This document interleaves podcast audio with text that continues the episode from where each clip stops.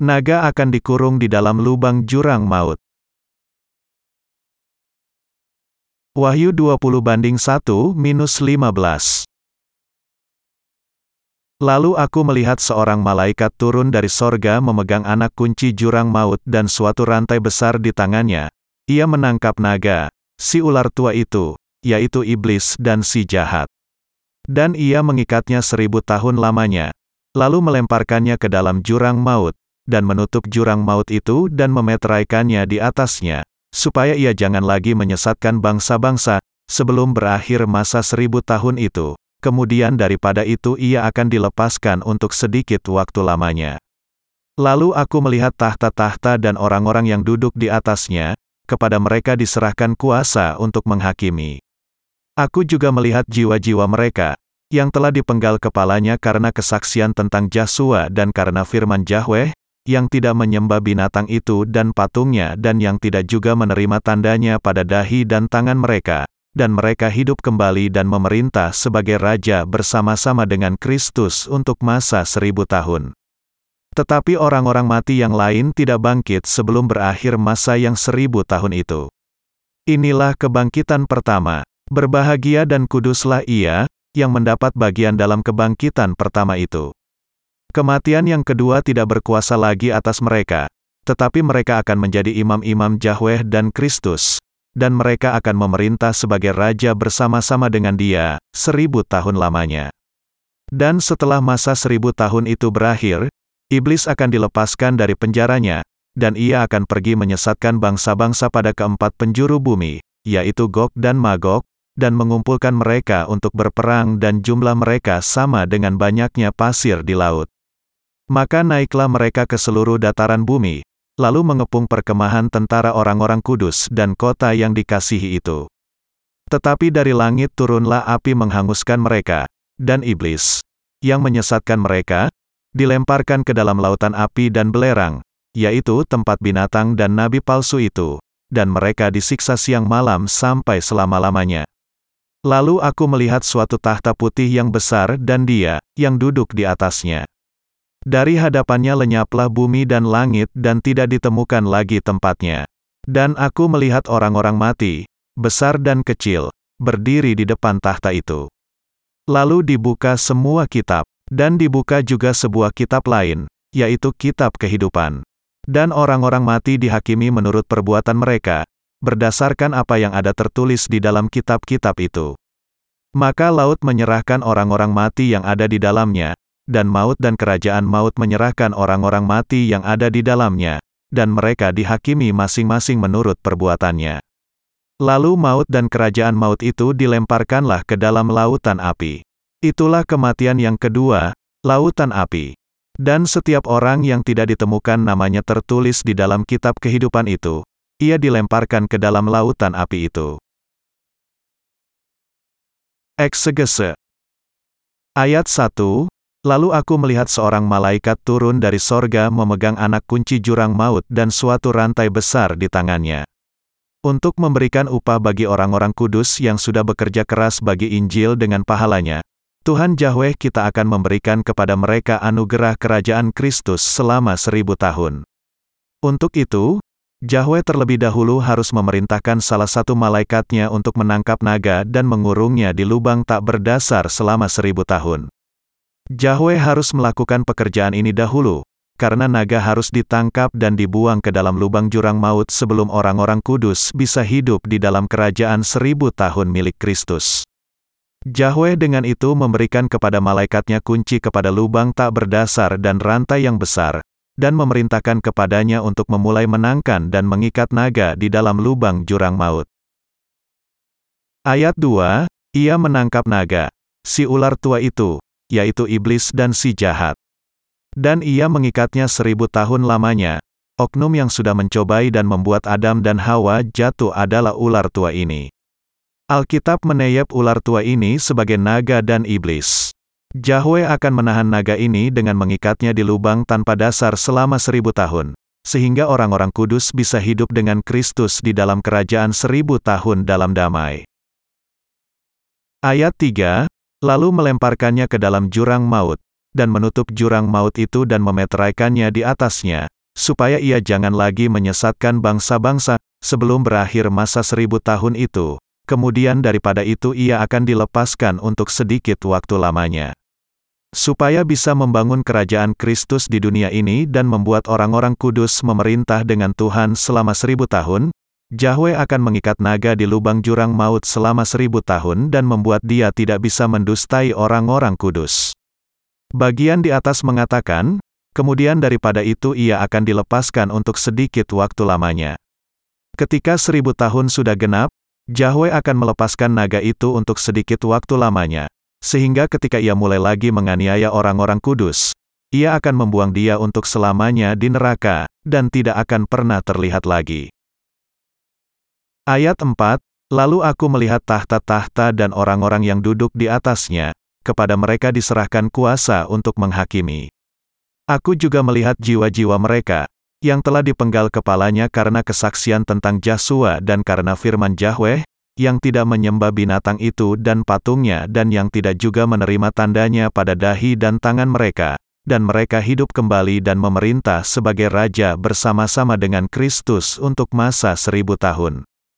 Di dalam kerajaan Kristus, orang-orang Kristen yang dilahirkan kembali akan menerima kedaulatan untuk menghakimi. Orang-orang kudus, sesudah dijadikan imam-imam Kristus, akan memerintah di kerajaan seribu tahun dengan Tuhan. Penghuninya adalah orang-orang yang dijadikan martir untuk memberikan kesaksian tentang Jasua dan mempertahankan iman mereka, mereka yang tidak pernah menerima tanda binatang itu dan juga tidak menyembah patungnya. Mereka adalah orang-orang yang dijadikan martir pada masa kesengsaraan yang dibawa oleh antikristus, dan Yahweh akan membangkitkan mereka untuk hidup kembali dan memerintah di dalam kerajaan Kristus selama seribu tahun. Tentu saja, semua orang yang ikut ambil bagian di dalam kebangkitan yang pertama juga akan diberi berkat yang sama. Ada dua kebangkitan yang diberikan oleh Tuhan, kebangkitan yang pertama dan kebangkitan yang kedua. Orang-orang kudus yang akan hidup di kerajaan seribu tahun adalah orang-orang yang termasuk dan mengambil bagian di dalam kebangkitan yang pertama. Semua orang yang mengambil bagian di dalam kebangkitan yang pertama juga akan mengambil bagian di dalam kemuliaan kehidupan di kerajaan seribu tahun, kerajaan Kristus.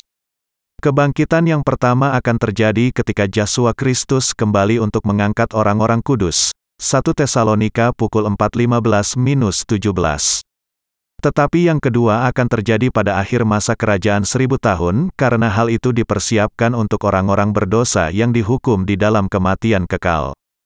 Kedaulatan orang-orang kudus untuk memerintah selama seribu tahun diberikan oleh Tuhan Yang Maha Kuasa. Kerajaan Kristus diberikan kepada mereka karena mereka percaya kepada Injil air dan roh dari Tuhan dan menyerahkan kehidupan mereka untuk mempertahankan iman di dalamnya. Ayat 5, tetapi orang-orang mati yang lain tidak bangkit sebelum berakhir masa yang seribu tahun itu.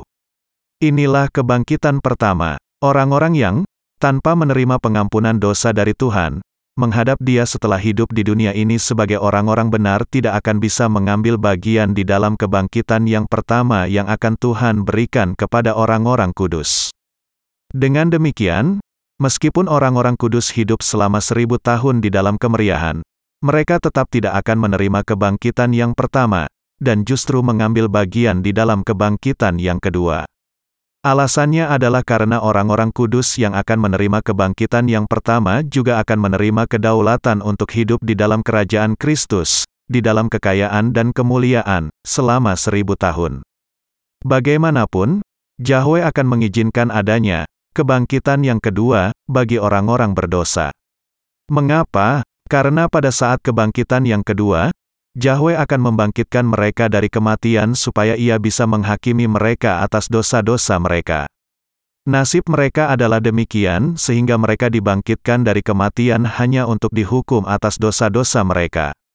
Inilah sebabnya kebangkitan orang-orang berdosa berbeda dengan orang-orang kudus baik di dalam urutannya maupun konsekuensinya. Selain mereka yang mengambil bagian di dalam kebangkitan karena iman mereka di dalam Injil air dan roh, Tuhan tidak akan mengizinkan siapa pun untuk hidup kembali sampai masa seribu tahun itu berlalu. Jadi, kebangkitan orang-orang benar terjadi seribu tahun sebelum kebangkitan orang-orang berdosa. Kebangkitan orang-orang benar adalah agar mereka menerima kehidupan kekal dan berkat-berkat, sedangkan kebangkitan orang-orang berdosa adalah supaya mereka menerima penghukuman kekal bagi dosa-dosa mereka. Ayat 6, Berbahagia dan kuduslah ia, yang mendapat bagian dalam kebangkitan pertama itu.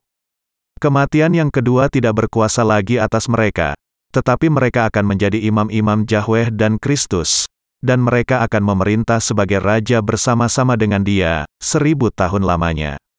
Alkitab menjelaskan di sini bahwa kematian yang kedua tidak memiliki kuasa atas mereka yang mengambil bagian di dalam kebangkitan yang pertama. Dengan itu, dijelaskan di sini bahwa semua yang mengambil bagian di dalam kebangkitan yang pertama adalah keberkatan, karena mereka juga akan memerintah di dalam kerajaan seribu tahun. Ayat 7-8 dan setelah masa seribu tahun itu berakhir, iblis akan dilepaskan dari penjaranya, dan ia akan pergi menyesatkan bangsa-bangsa pada keempat penjuru bumi, yaitu Gog dan Magog, dan mengumpulkan mereka untuk berperang dan jumlah mereka sama dengan banyaknya pasir di laut.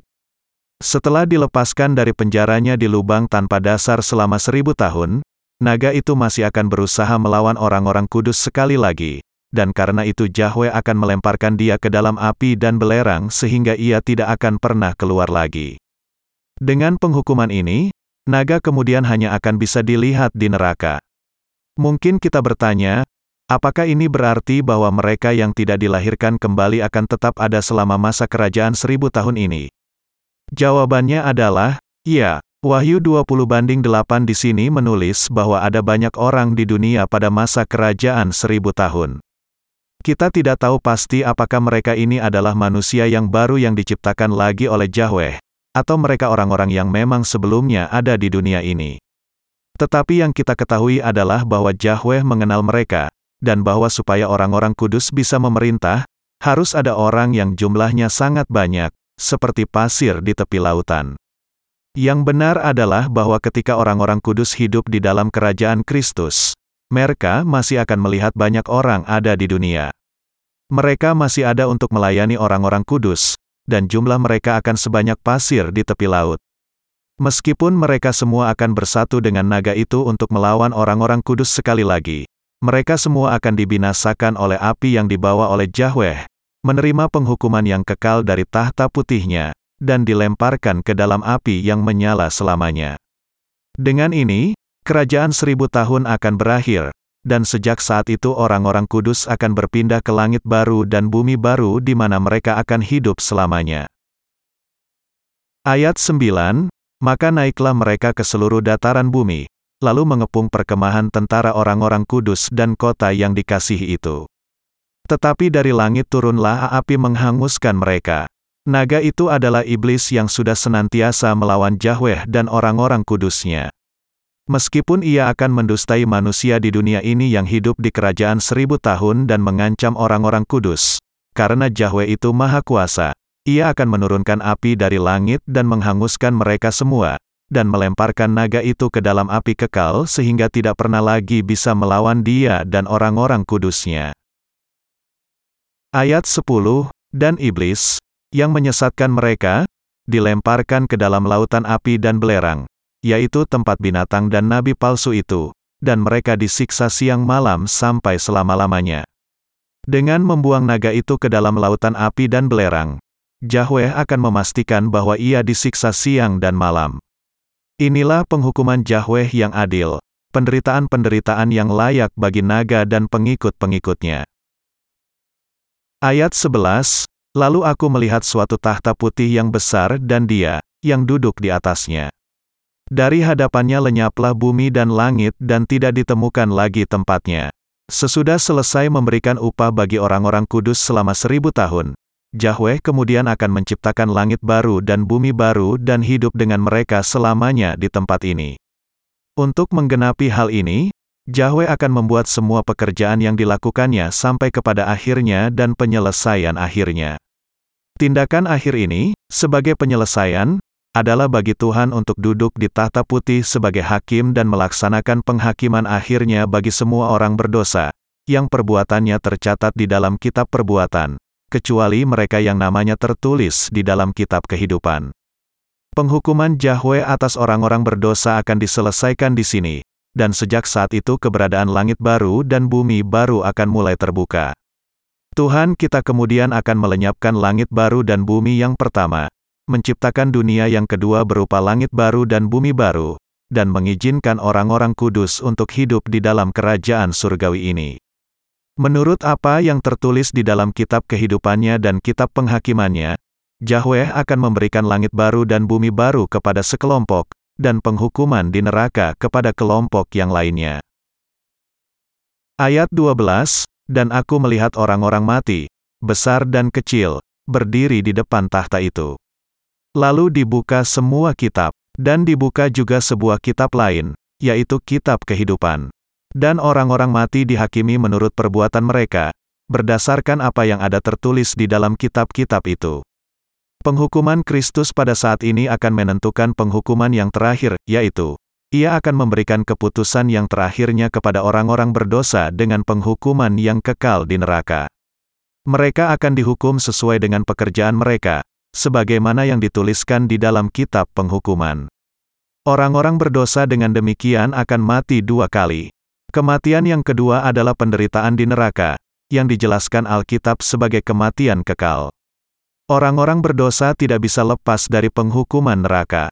Mereka harus, karena itu, berusaha untuk mempelajari firman Injil air dan roh sekarang ini. Sementara mereka hidup di dalam dunia ini, percaya kepadanya, dan dengan itu menerima berkat dituliskannya namanya di dalam kitab kehidupan.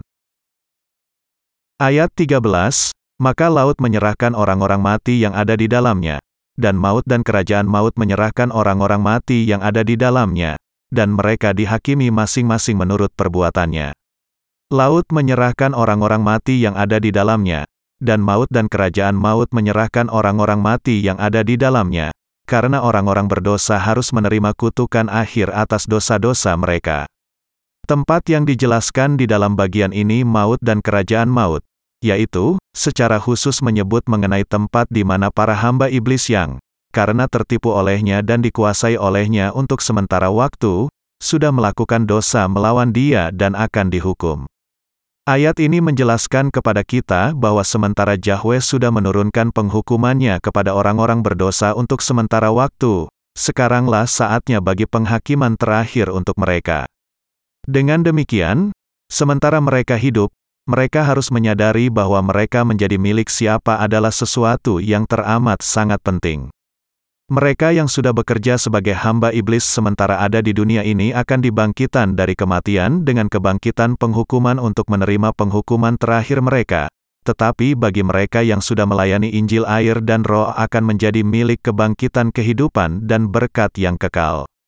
Karena itu, Manusia harus menyadari bahwa sementara di dunia ini bahwa Injil air dan roh, yang dengannya Tuhan sudah menghapuskan segala dosa manusia, adalah teramat sangat penting. Mereka yang sudah bekerja sebagai hamba iblis di dunia ini akan dibangkitkan dengan kebangkitan penghukuman. Tetapi mereka yang sudah melayani kebenaran Tuhan kita akan dibangkitkan dengan kebangkitan kehidupan dan berkat kekal. Semua orang berdosa akan dihukum karena pelanggaran mereka dan menerima penghukuman akhir mereka di neraka. Di sinilah kita menemukan alasan yang tepat tentang mengapa kita harus, sementara ada di dalam dunia ini, percaya kepada Injil air dan roh, Injil yang dengannya Tuhan sudah menghapuskan segala dosa kita. Ayat 14, Lalu maut dan kerajaan maut itu dilemparkanlah ke dalam lautan api. Itulah kematian yang kedua, Lautan api.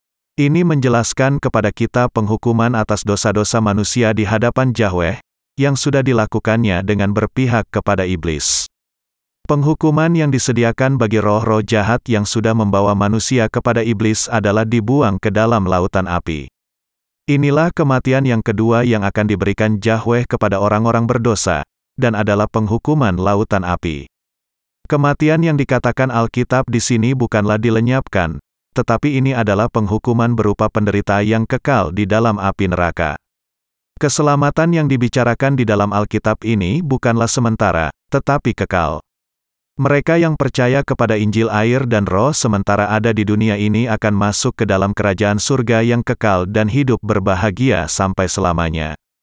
Perbedaan antara upah bagi orang-orang yang percaya kepada Injil air dan roh dengan penghukuman kepada orang yang tidak percaya adalah seperti perbedaan antara langit dengan bumi. Ayat 15, dan setiap orang yang tidak ditemukan namanya tertulis di dalam kitab kehidupan itu, ia dilemparkan ke dalam lautan api itu. Di dalam kata, setiap orang, di sini, Ayat ini menjelaskan bahwa apakah nama seseorang tertulis di dalam kitab kehidupan atau tidak tertulis sangat tergantung sepenuhnya kepada apakah mereka percaya atau tidak kepada firman Injil air dan roh, yang melaluinya segala dosa mereka diampuni, menjadi seputih salju. Tidak peduli apakah mereka rajin ke gereja, apakah gereja mereka termasuk ke dalam denominasi ortodoks atau heterodoks. Orang-orang yang namanya tidak tertulis di dalam kitab kehidupan, karena itu, akan dibuang ke dalam api neraka tanpa kecuali. Orang yang hanya sekedar mengaku beragama di dunia ini sudah memiliki kecenderungan untuk lebih mementingkan upacara keagamaan semata dibandingkan dengan penebusan mereka dari dosa. Namun ketika berdiri di hadapan Yahweh, kalau Injil air dan roh yang diberikan oleh Yasua tidak ditemukan di dalam hatinya, nama orang itu tidak akan ditulis di dalam kitab kehidupan, dan dengan itu ia akan dilemparkan ke dalam lautan api, meskipun ia adalah seorang Kristen yang baik. Karena itu, sementara Anda masih hidup di dunia ini, Anda harus mendengar dengan yelingan Anda Injil air dan roh dari Tuhan yang sudah membuat dosa-dosa Anda dilenyapkan, dan Anda harus percaya kepada hal itu dengan sepenuh hati Anda. Anda kemudian akan menerima kemuliaan dengan dituliskannya nama Anda di dalam kitab kehidupan.